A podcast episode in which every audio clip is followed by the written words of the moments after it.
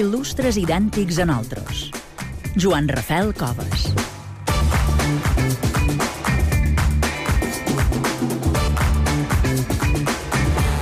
Joan Rafael Coves, il·lustres idèntics a nosaltres, que no havíem estrenat temporada, tu i jo encara. He quedat T'ha agradat? corpres. T'ha agradat? És que això és qualitat de la ràdio No, pública de ses hi ha- hi ha illes. nivell, quan hi ha nivell, Quan hi ha nivell, sí, Tot és per tot, eh? ja és per tot. Com estàs?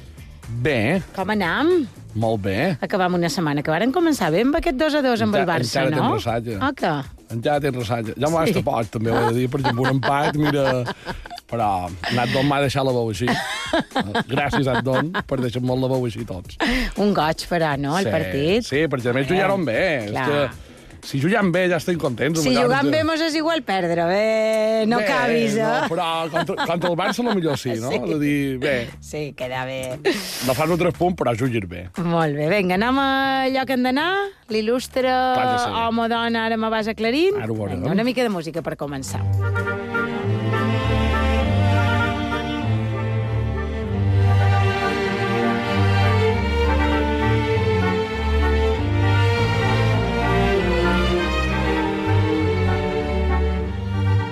Per començar, ens situarem a la Palma de mitjans del segle XIX, amb Bartomeu Maura, un propietari d'un taller d'adoberia del centre de la ciutat. Adoberia vull, vull aclarir perquè avui surten paraules molt, molt nostrades. Ah, I adoberia, no, no, no vull que vos penseu que és un lloc on posen en adobo, porcelles, endiots... jo m'ho he imaginat, per és el primer que he no? pensat. Una adoberia era, o és, allà on es treballa la pell dels animals perquè no es faci malbé. Ja? I si poden-la utilitzar per fer complements, com corretges, xalçat, bosses... Mm -hmm. No ens hem d'imaginar i en Bartomeu a la cuina del ranxo grande de Van Porcelletes, no? No. No m'ho has aclarit. No, Eh? A més, eh, hi ha la teoria, te diré que en Bartomeu és, de, és descendent directe d'una família de conversos, o sigui, de, de, de lo que popularment es coneixia com a xuetes. Per tant, jo no el veig entre porcelles. No, precisament no, en aquest sentit. Hem de dir que en Bartomeu està casat amb la Margelida Montaner, que l'any 1853 estava embarassada del nostre protagonista d'avui. Hem de dir, però, que ella no ho vivia com un fet o com una cosa extraordinària, eh? ni, ni, ni amb molta d'emoció. No l'imagineu fent viatges de la seva prenatal, eh? xerrellada de bosses, ni, ni tot lo dependent del mòbil mirant la darrera versió del Bugabú, eh? Què me dius? I de potser va venir d'allò que diuen de penal o què? A més, ser de penal devia ser d'una tanda de penals, eh?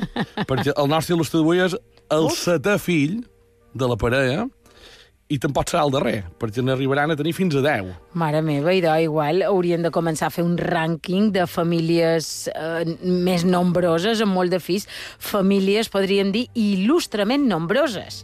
Sí, estaria bé, eh? anar fent Ah. aquest rànquing, podríem anar apuntant. Tenim, de moment, aquest Mauro Montaner en bona Mhm. posició, en 10 fills. El fet és que, com us podeu imaginar, i do, eh, per la Margelida allò ja era un tràmit. Jo sé com anar a fer la declaració de la renta, una cosa així. Eh, el nostre il·lustre naixeria el dia d'or de maig del mateix 1853 al carrer de la Gelatrava de Palma.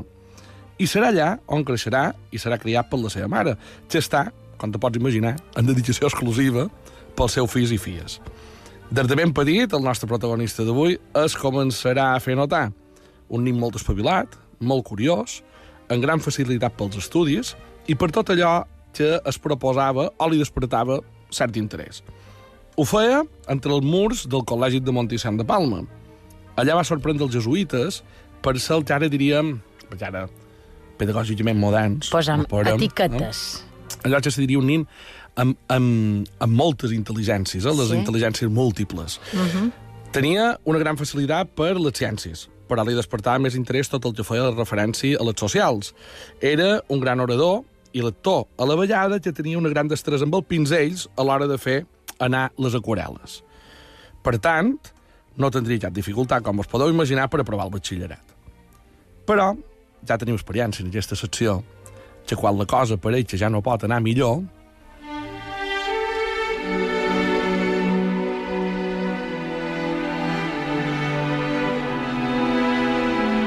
Efectivament, ja ho sabem, només pot anar pitjor amb aquesta cançoneta. Qui s'ha mort? qui s'ha mort. Quan No, sentim, que quan, no quan, quan sé. sentim les Tocam a campanes, mort, ja. sí. Des de allà, quan, quan sentim Sí. les campanes un poble, qui és un mort. Bé, El 1866, poc abans de finalitzar els estudis previs a la universitat, rep la fatídica notícia de la mort del seu pare. I ja sabeu, com solia passar en aquella època, quan el pare, que solia ser el que feia feina, faltava la família, la família ho passava realment malament. I així va ser per la família Maura, de la qual podrien dir que va arribar a fregar la pobresa, sense entrar-hi. No anem a pensar que llavors hi havia, com ara, les pensions de viudetat i aquestes coses. No, Tots aquests drets socials que tenim sí. ara. Eh? Per sort, el germà primogènit, en Gabriel, el qui pareixia que a més tenia un excel·lent futur com a pintor, va renunciar a la seva vocació artística per posar-se al front de la família i del negoci familiar. De fet, podríem dir que si no hagués estat pel seu germà gran, Antoni, que és el nom del nostre protagonista, no podria haver arribat mai a va ser, a ser n'Antoni Maura.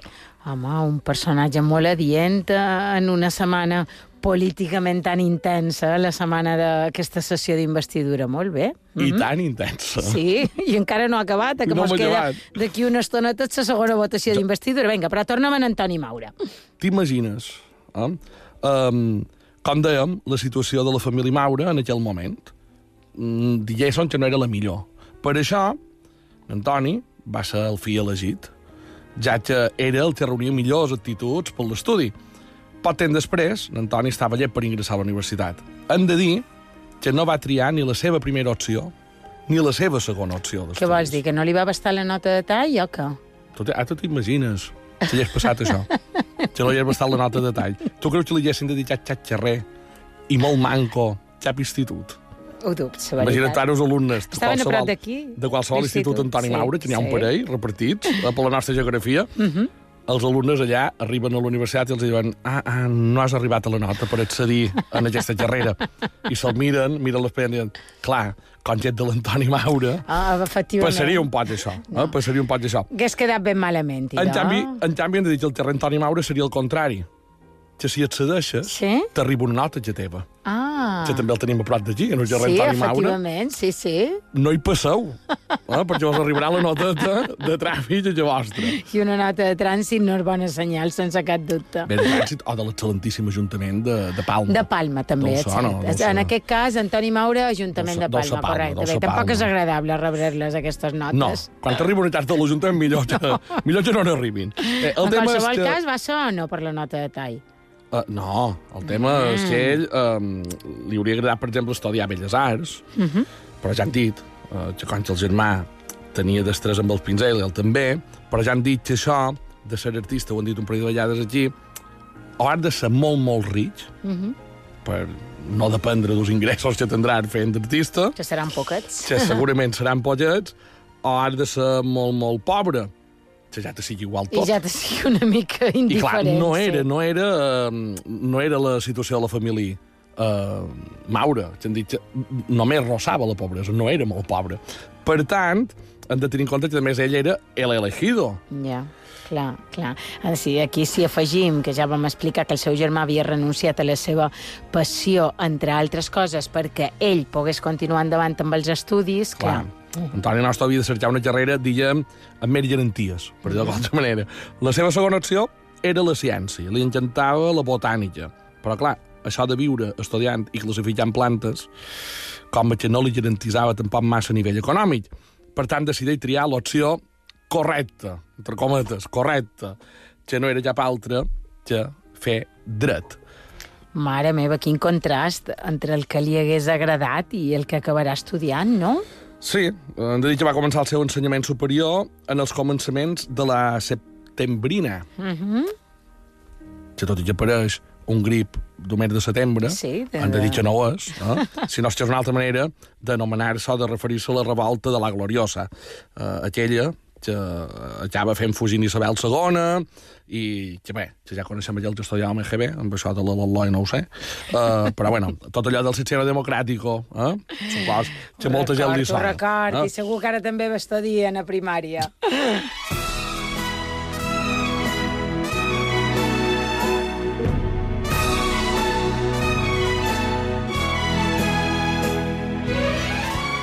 Doncs al tres anys va aconseguir el títol de la carrera de dret a la Universitat Central de Madrid.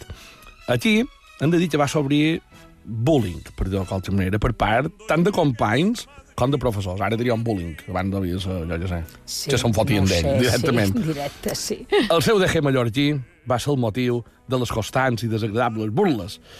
Això, en ell, va provocar una cosa també molt mallorquina, eh, com és admirar a la cultura dels teus agressors, eh? Pensant que és millor que la teva i posar-la a ell en valor. No sé si vos sona de qualsevol cosa. Eh, va despertar un sentiment en Maura com a de d'un sentiment patriòtic i d'admiració cap al castellà. Sí, te poden passar dues coses, no? O que diguis, m'estan menyspreant el que és meu i posar en valor el teu i no estimar tant l'altra cosa, o a l'enrevés, que sembla que és el que li va passar a ell, no? Va sí. menysprear una mica el que era seu i va... se va Ja de dir que me- enamorar, no?, ja he de dir la pàtria i del castellà. Se me l'imagina ja. Serran rollo Lorenzo Llamas. Segur, ben segur. Sabes si te sí, quiero decir. que te quiero decir, sí. A mí me gusta merendar de callos con garbanzos, irme por la noche de copas por un bar y bailar un chotis con una mosita madrileña, ¿eh? Aunque los boleros se me dan mejor, pero... I els madrileños que el miraven li deien, però, però què? No? Això que mos fan sempre, sí. Però nostres, el diuen, però, però què? Que nosaltres acabam la frase, sí. Exacte. Però, si va destacar per alguna cosa, en Maura no va ser precisament per la seva faceta de pitjador a ritme de xotis, sinó per la seva faceta com a polític. En 1881, a l'edat de, 26, de 26 anys, Antoni Nostro va ser elegit diputat a les Corts per Palma, dins les files del Partit Liberal Fusionista. També vull aclarir que no era cap partit que tingués res a veure amb bola de draig, ni tampoc era cap partit format per xefs de cuina moderna. Ja tot el que fan és fusió, dir, no, no res d'això. Sinó i el seu cunyat, en Germán Gamazo, l'havia introduït en els afers de la política i a partir d'aquest moment Maura va passar a formar part de les llistes del Partit Liberals.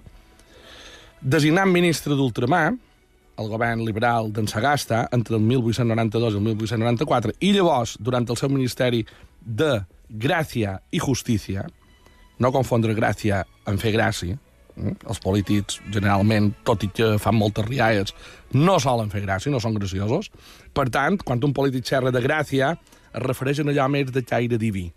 Rollo lo d'en Franco i la gràcia uh -huh. de Dios. Uh -huh. Que ja veus tu també quina gràcia que tenia Déu, Nostre Senyor. El tema és que des dels de dos ministeris ell va intentar impulsar polítiques en favor eh, d'otorgar certa autonomia a Cuba i Puerto Rico, eh, per allò de xelmar una mica els independentistes. Som a final del segle XIX i ja se devia sentir allò de, tan actual, per dir-ho d'alguna manera, de Espanya se rompe. Sí, Ja llavors. Ja llavors, i hem de dir que el Partit Conservador i algun membre dels partits liberals, incluït el president Sagasta, no els agradava molt l'idea de descentralitzar que tenia en Maura. Per tant, va fracassar el seu projecte maurista i nosaltres, que ja sabem com va acabar la pel·lícula, poden dir que romper-se, romper-se, potser no se va rompre Espanya. Ara, de cada pitx, se va anar fent més petita. Sent ministre de Gràcia i Justícia, va impulsar un altre projecte reformista davant la crisi del 98.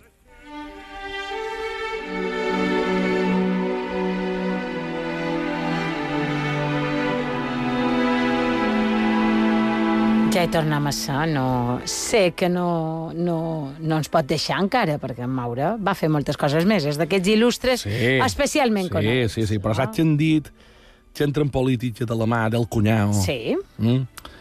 Que, per cert, Antoni Nostro i la germana Sí. d'en Germán Gamazo, eh, na Constanza, tindrien 10 fills. Ah, Ho dic per allò d'Urranxin. el podem eh? apuntar en el Empata- rànquing, no? son pare no? Ja ho veig, sí. Empaten son pare i sa mare. I qui va morir, del cunyat? Eh, la mort d'en Gamazo, que va ser l'any 1901, en Maura her eh, heretarà el lideratge de la facció del Partit Liberal coneguda com a gamacistes, eh, que eren els que seguien en Gamazo. Bàsicament, per això eren gamacistes. Un any després, ell i aquesta facció s'ajunten amb els conservadors i, just arribar, formaria part del nou govern conservador format i presidit per en Silvela. Durant aquesta època, lluitarà per erradicar el caciquisme. No sé jo si aquests moviments d'un bàndol a l'altre ajudaran molt el nostre amic Maura, no ho sé. Doncs sembla que... En Li un, principi, en un principi sembla ser que sí. Perquè, mira, a l'octubre del 1903 va succeir en en Francisco Silvela mateix, al capdavant del Partit Conservador, quan aquest eh, va deixar el càrrec. El novembre del 1903 va ingressar com a acadèmic a la Real Acadèmia Espanyola de la Llengua. I al finals del mateix 1903, cap a desembre, el rei Alfons, 13, aquest és bo, un dia l'hauríem de fer. Llàstima que no sigui mallorquí, Sí, no ni tingut- balear, però l'hauríem de cercar Ni, ni, ni en s'estiu, no va venir a fer cercar molt de, de, de, turi... No va ser ni turista, bé, ja li perquè cercarem. com a bon Borbón Sí. no té desperdici. Ja li cercarem un bon capí. Vinga. Bueno, Aquest rei, què, què li va fer? Mhm. XIII li encomana formar govern. Uh -huh. Poden dir que bon any, el 1903, per en Maura, o no? Per en Maure, l'any 1903, no me situo jo ara. Jo te diria que Endavant. parell, parell que sí, Ah, sí? però no. Perquè serà precisament en una- en una visita oficial conjunta del monarca i el president Maura a Barcelona, anaven amb un cotxe descobert, un cotxe de... un carruatge, una, una, una d'aquestes que tenim per aquí, una que se li diu ja una... Una, ca una calessa. Una calessa. Una, sí, ara no sé què se Bé. diu en la nostra llengua. Sí. Sí. Això d'uns cavalls que ningú vol. Uh, anaven amb això quan de cop i volta bé, s'aturen a Barcelona davant la davant l'església del Mar de Barcelona i amb això ja s'acosta un jove.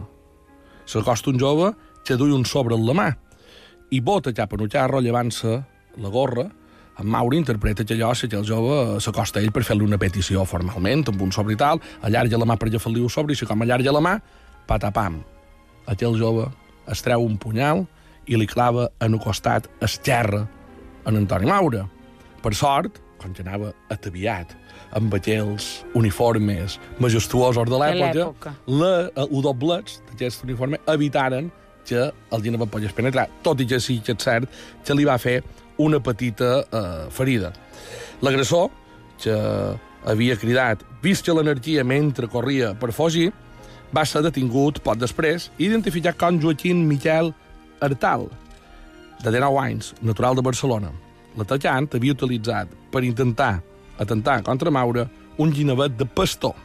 Vaja, en surt, encara sona de, font, de fons. Me pensava que tornaria a sonar en primer plànol aquesta cançoneta. Se'n va en sortida, no? Sí, aquest primer govern de Maura seria curt, just duraria un any, ja que el desembre del 1904, després de discrepàncies amb el rei per qui havia de ser nomenat cap de l'estat major de l'exèrcit, Maura decideix dimitir.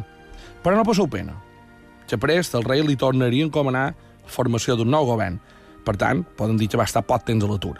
Després d'una etapa a l'oposició, el gener del 1907, va formar un nou gabinet. Uh, aquest govern uh, se'l vaig acabar coneixent com el govern llarg. L'altre havia estat molt curt, aquest és el llarg. I si bé va durar només poc més de mm, dos anys, va ser molt actiu en programes legislatius. Hem de pensar que en aquell temps, dos anys de govern, jo ja anat mirant això aquests dies, Era molt. era molt. O sigui, hi ha Mira, governs... ara que diuen que governs- quatre anys no, no els basta per res. hi ha governs que en el segle XIX duren tres mesos, quatre mesos, i van canviant constantment. Eren temps bastant convulsos. En Maura hem de dir que durant aquest temps va crear l'Institut Nacional de Previsió, que seria, podríem dir, l'Institut enxerrellat de la Seguretat Social. També es deu al govern Maura la Llei de Protecció de la Indústria del 1907. Va tornar, hem de dir, al Congrés amb el seu projecte de reforma de la Llei d'Administració Local, per allò de amb el caciquisme.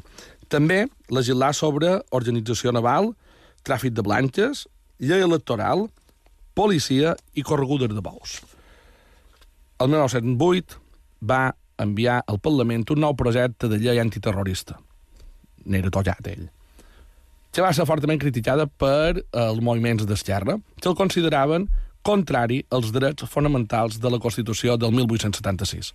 La llei, que no es va arribar a aprovar, hauria permès, per exemple, poder tancar diaris i expatriar a nacionals, espanyols, considerats com a aficionats al pensament anarquista. Ah, Mira tu, ara ho comentaves precisament ell que havia sofert un atemptat, no? Sí, No li varen aprovar. no. No va anar ni a tràmit, ja. Va ser una cosa que la una gent, mica la gent ja se va començar a alçar. Però, durant aquest mandat també va haver de fer front a la guerra de Melilla, on algunes decisions preses pel president mallorquí, com obligar els reservistes a anar a files, provocaria una escalada de disturbis a Barcelona. El que el govern de Maura contestaria amb una dura, eh, amb mà dura, perdoneu, per tal de reprimir la rebel·lió. Seria la coneguda com a Setmana Tràgica de Barcelona. Per fer números, 75 cadàvers civils i 3 de militars, va haver-hi més de 500 ferits greus i 112 edificis incendiats. Mare meva, no és broma.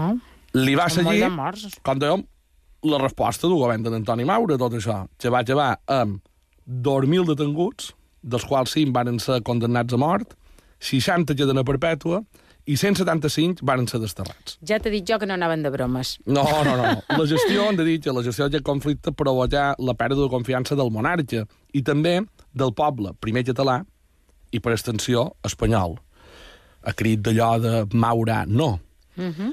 En Maura, per sortir-ne reforçat, decideix agafar una estratègia, presentar la dimissió, pensant que el monarca la rebutjaria i el ratificaria en el càrrec. Ah, Però no va ser així. No va anar bé. I a l'octubre del 1909 posà fi al seu mandat. En Maura va passar a l'oposició i el fracàs del seu projecte regeneracionista conservador va donar pas a un nou intent regeneracionista conduït aquesta vegada sí pel Partit Liberal. Durant aquesta legislatura, en un plenari en què es qüestionava l'execució d'un d'aquests energistes detinguts durant la setmana tràgica, Maura va ser objecte d'un discurs del líder socialista Pablo Iglesias, fundador del Partit Socialista, uh -huh. on, no, no, dic perquè no confongin amb en Pablo Iglesias d'ara, No hi era, tampoc, però no hi bé. era. Sí. Eh? Ens referim a un fundador del Partit Socialista, on esmentava la disposició dels seus amics a l'atemptat personal per evitar que Maura tornés al poder. Maura, hem de dir que va sofrir un altre atemptat, justament el 1910, quan es trobava a l'estació de França de Barcelona. Manuel Possarroca va disparar contra ell, resultant ferit en una llama. L'endemà d'aquest atemptat es va formar una protesta al Congrés, al qual, lògicament, en Pablo Iglesias, fundador, Socialista, the founder, Sí? no s'hi va adherir. Home, però això tampoc degué sorprendre massa, no? No, perquè ja havia dit que Així. hi havia gent disposada a fer-ho. Efectivament. Entre el 1918 i el 1921 encara se li van comanar que formés govern fins a tres vegades més. En Alfonso XIII ho tenia clar. Era, era com en Florentino amb en Zidane amb en Ancelotti. Era maurista, no? Hi ha problemes. Cridaven, de cridaven Maura. en Zidane. Eh? Canviar l'entrenador amb en Zidane. Bé, ho posa't així. Um, creant gabinets de concentració de tots els partits, que evidentment estaven abocats al fracàs. L'agost del 1921, en què es formà el cinquè i últim gabinet presidit per Antoni, el govern es centrà en evitar la descomposició de la monarquia. Ja sabem que el monarca, com hem dit abans, estava més pendent en aquell moment de ser promotor de cine per adults que del país. Així, doncs, el govern hauria el mes de març de 1922. I hem de dir que tant el rei com el mateix Maura s'aferrarien a una dictadura militar, la d'en Primo de Rivera, com a única salvació d'aquesta monarquia. Però Maura ben prest veurà que s'equivocava. A finals del 1923 escrivia una carta al seu fill Miquel on li contava aquest home és boig. Això és el fi de la monarquia. Vindrà la república, i després el caos. I després, és clar, els militars. Això ho deia, imagina't, l'any 1923, un bon visionari, no?, del que havia de passar uns anyets després.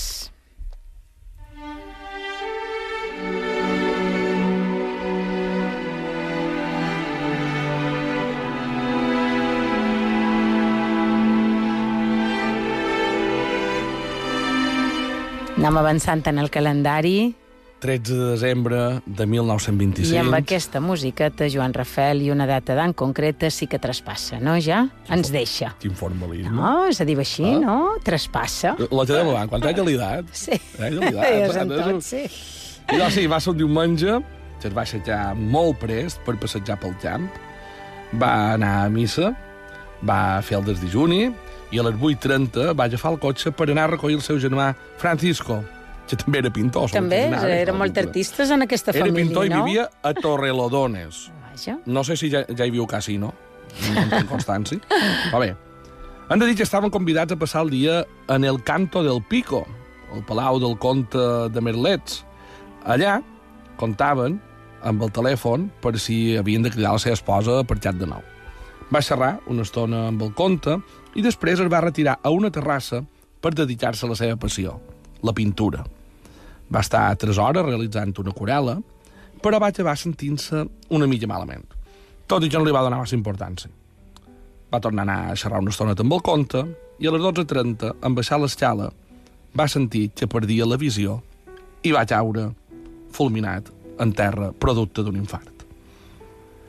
Ell, ara que ja l'ha mort, tenia una gran frase, que deia la tolerància significa assabentar-se cadascú que té enfront de si algú que és un germà seu. Qui, amb el mateix dret que ell, opina el contrari. Ben dit, no?, en aquesta frase. A una setmana com aquesta. Ah, precisament, sí, no? exacte, sí, jo una no... setmana jo com no... aquesta. Jo, jo els ho deixo aquí. No ho havia, no ho havia No? lligat amb això. Vaja, vaja, vaja. És, un, és considerat un dels els polític, el polític de les illes que ha tingut més pes en la política nacional, que ha tingut un, un paper més destacat. Sí, jo crec que sí, no? Sí. Tampoc no tenim posaré jo ara a pensar... Sí, Defensina, vàrem tenir presidenta del en el seu Parlament. dia en Fèlix Pons, que també, També. va ser presidenta eh, del Congrés i també va ser ministra, però en aquest cas, home de confiança del rei en aquella època que encarregava els governs... Sí, l'ho vaja, dit, era un poc un cidant per ell, no? Ja de pitjor hi havia problemes, pues, Mhm. s'aferrava a ell. Tot i que tenim bastantes discrepàncies, eh, ho hem de dir.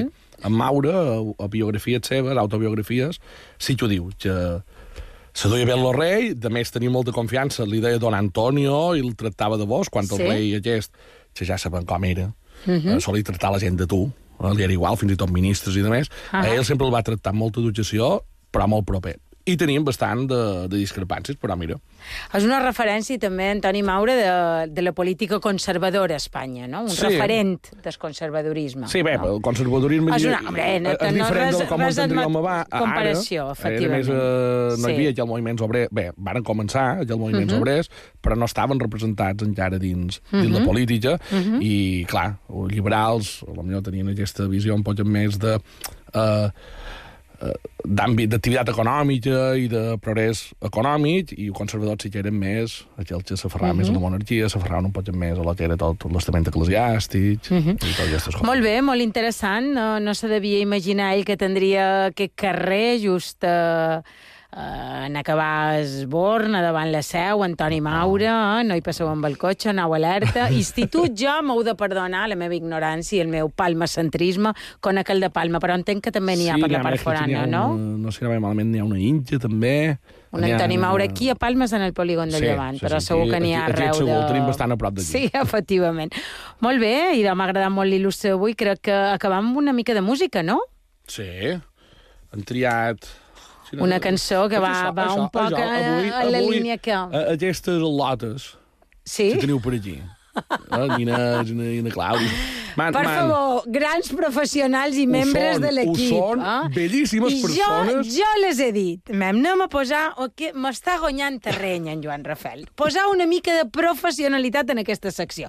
I t'han tancat la secció. Exacte. Com ho han fet, amem? Què t'han escrit aquí? M'han escrit aquí. Acabam amb una cançó. Jo m'agrada que me feien aquestes coses perquè me desconcerten. Però bé, Què posen? acabam amb una cançó que segueix la línia intensa i melancòlica que han seguit durant tota la secció. Això. Això sí, música de la terra, versió sinfònica de la cançó Nacèlia en Cris Joanico. I què? Està perfecte, no? Perfecte. Inés Mateu i Clàudia Darder ho heu fet Ho beníssim. fet molt bé, parell de Ràdio Fórmula, però molt bé. Joan Rafel, de posar ara la cançó, gràcies. Vinga, ens retrobem d'aquí dues setmanetes, d'acord? Vinga.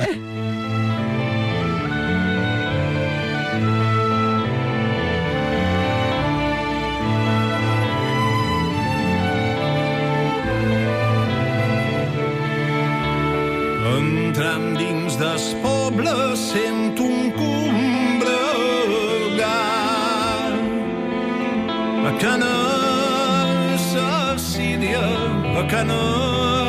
sa síria